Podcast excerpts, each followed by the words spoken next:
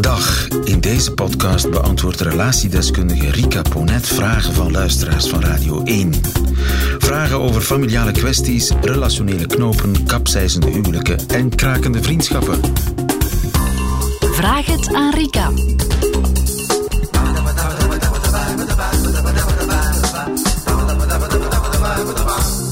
Sylvie is 32 en schrijft: Mijn vader die stierf heel recent ten gevolge van COVID.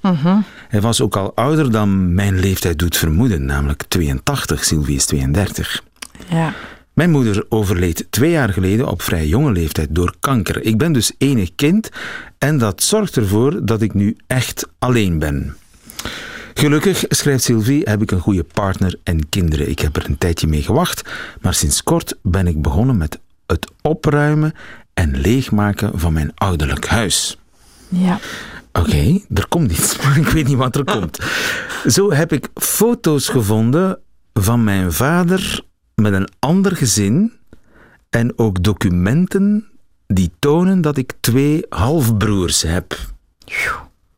Oké, ik was ontzet, want weet niets van dit alles. Ik heb nog een tante aan moeders kant en die bevestigde dat mijn vader gehuwd was geweest voor hij met mijn moeder begon. Maar meer dan dat weet ik niet. Ik worstel enorm met dit gegeven. Moet ik het zo laten of moet ik toch contact zoeken met hen? Wow, Amai. wat een verhaal. Het lijkt iets uit, uit een, B-film of een stationsroman, maar dit gebeurt dus, hè? Ja, mensen die een dubbel leven hebben, want ay, daar komt het bijna op neer. Of, ja, dat gaat ook over familiegeheimen. En ik denk dat we soms onderschatten hoeveel geheimen er in veel families zijn. Dingen die niet besproken worden, niet geuit worden, onder de mat geveegd, ja, en je die kunt taboe het, zijn. in dit geval kun je het hen niet meer vragen, want zowel Nee. moeder is dood. Als, eh, als, eh, als, als haar vader. vader. Ja. Eh, alleen die tante is er blijkbaar nog. Ehm, Zou die tante niet meer weten dan ze toegeeft? ja, ik vermoed van wel. Zus van haar moeder, ja, Ja. wie weet. Ze heeft waarschijnlijk toch wel meegemaakt hoe die relatie tot stand is gekomen tussen haar ouders. En vermoedelijk weet ze dan ook wel iets over die voorgeschiedenis. Nu, ehm, Het lijkt mij verschrikkelijk met zoveel vragen te blijven Ja. zitten. Je weet niet, eh, wist mijn moeder het van dat geheim eh, tweede Ja. leven? Eh, waarom heeft hij het verzwegen? ja. Ehm, ja, ik denk wat het moeilijkste is, dat is dat, zo ervaar ik dat dan toch, dat het ook wel waarschijnlijk iets doet met het vertrouwen dat ze heeft in haar ouders. Hè. Je ouders overlijden. Eh, je hebt daar een, allee, oh, het lijkt een hele goede band geweest te zijn. Waarom hebben band jullie gezwegen? ja, wa- waarom hebben jullie mij dat niet verteld? Ik heb twee halfbroers.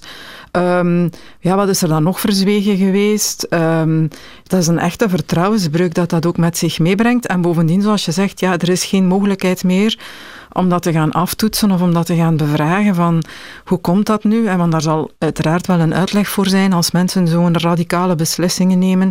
Ehm, ja, dat is een vorm van kinder- of ouderverstoting. Ik weet niet wat er juist gebeurd is, maar een van beiden alleszins. Ehm, dat zijn zo'n radicale breuklijnen in een leven. Ehm, ja, daar moeten wel bepaalde dingen aan vooraf gegaan zijn die, ja, die heel erg of heel moeilijk geweest zijn. Eh, en ik begrijp het ook, ze is enig kind. Ehm, ze blijft ook, ja, dat, dat is ook heel Ze confronterend. Ze is alleen. En nu blijkt ze toch niet alleen. En nu blijkt ze toch niet alleen te zijn, dus dat daar dan ja, misschien ook een stuk fantasieën zijn rond... ehm, ja, ik ben geen enig kind, ik heb eigenlijk twee broers. En dan gaan mensen ook al eens fantaseren over lange familietafels en leuke Ja. feesten. En, eh, Stel dat nu zaken. dat op de een of andere manier de mogelijkheid zich aandient om contact te krijgen met die twee halfbroers. Zit er een gevaar in om dat contact te zoeken? Ehm, Is ik, er een risico? ik denk dat wel. Eh, Ik denk, eh, stap 1, mocht zij bij mij op gesprek komen, eh, zou ik haar aanraden om niet direct actie te ondernemen. Maar eerst eens voor zichzelf uit te zoeken, wat doet dit met mij? Want dat is denk ik bijna een shock waarin je terechtkomt of een, een situatie die je helemaal onderuit haalt. Probeer misschien ook al eerst in je eigen omgeving een verhaal te vinden. Eh, ga effectief naar die tante.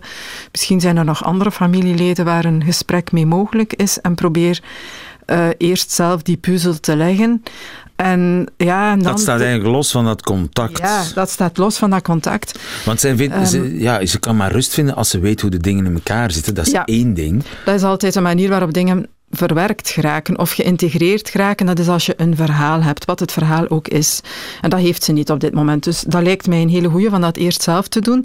En dan in tweede instantie ook voor zichzelf eens uit te zoeken wat verwacht ik daarvan? Hè? Um, zoals ik daar juist zei, vaak hebben mensen nogal onrealistische verwachtingen bij hun zoektocht naar verloren familieleden.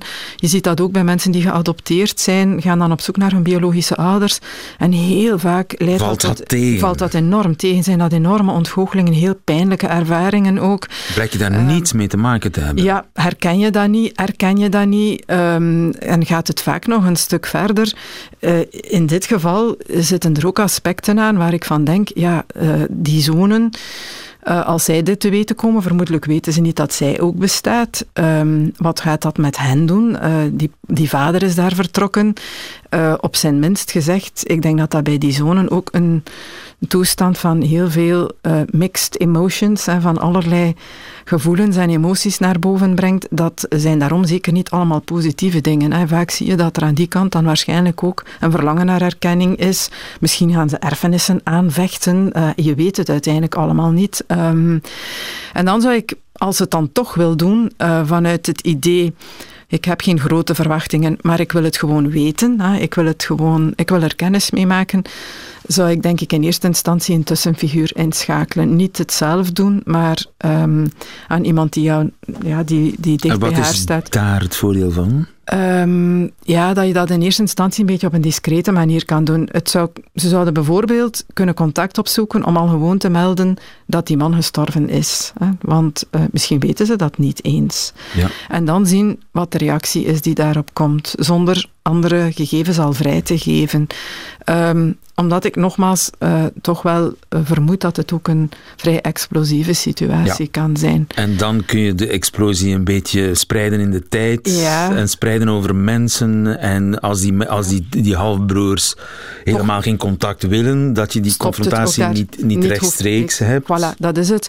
Blijken die daar ja, op de een of andere manier toch constructief of rustig op te reageren, ja, dan kan je alsnog op een neutraal terrein, en ik zou daar ook altijd opnieuw iemand bij betrekken, iemand die dan meegaat met jou, um, alsnog dat gesprek eventueel hebben, hè, of die mensen ook ontmoeten en zien wat dat met zich meebrengt. Het allerslechtste wat ze kan doen is daar, en dat meen ik, heel grote verwachtingen rond hebben. Uh, ik denk de fantasie, um, we worden één grote happy family en mijn kinderen gaan dan misschien neefjes en nichtjes hebben, um, dat dat er één te ver is en dat die zelden of nooit zal uh, uitkomen. Maar goed, ja, ja het, het kwaad is geschied. Ze heeft die foto's gevonden. Ja, is de doos de van onrust Pandora. is gecreëerd. Absoluut. En ja. De geest is uit de fles, zullen we maar ja, zeggen. En op de een of andere manier zal ze toch uh, een verhaal moeten ja, hebben. Absoluut. Um, maar nogmaals, uh, neem je tijd. Uh, dat zou ik tegen uh, haar zeggen. Doe in eerste instantie,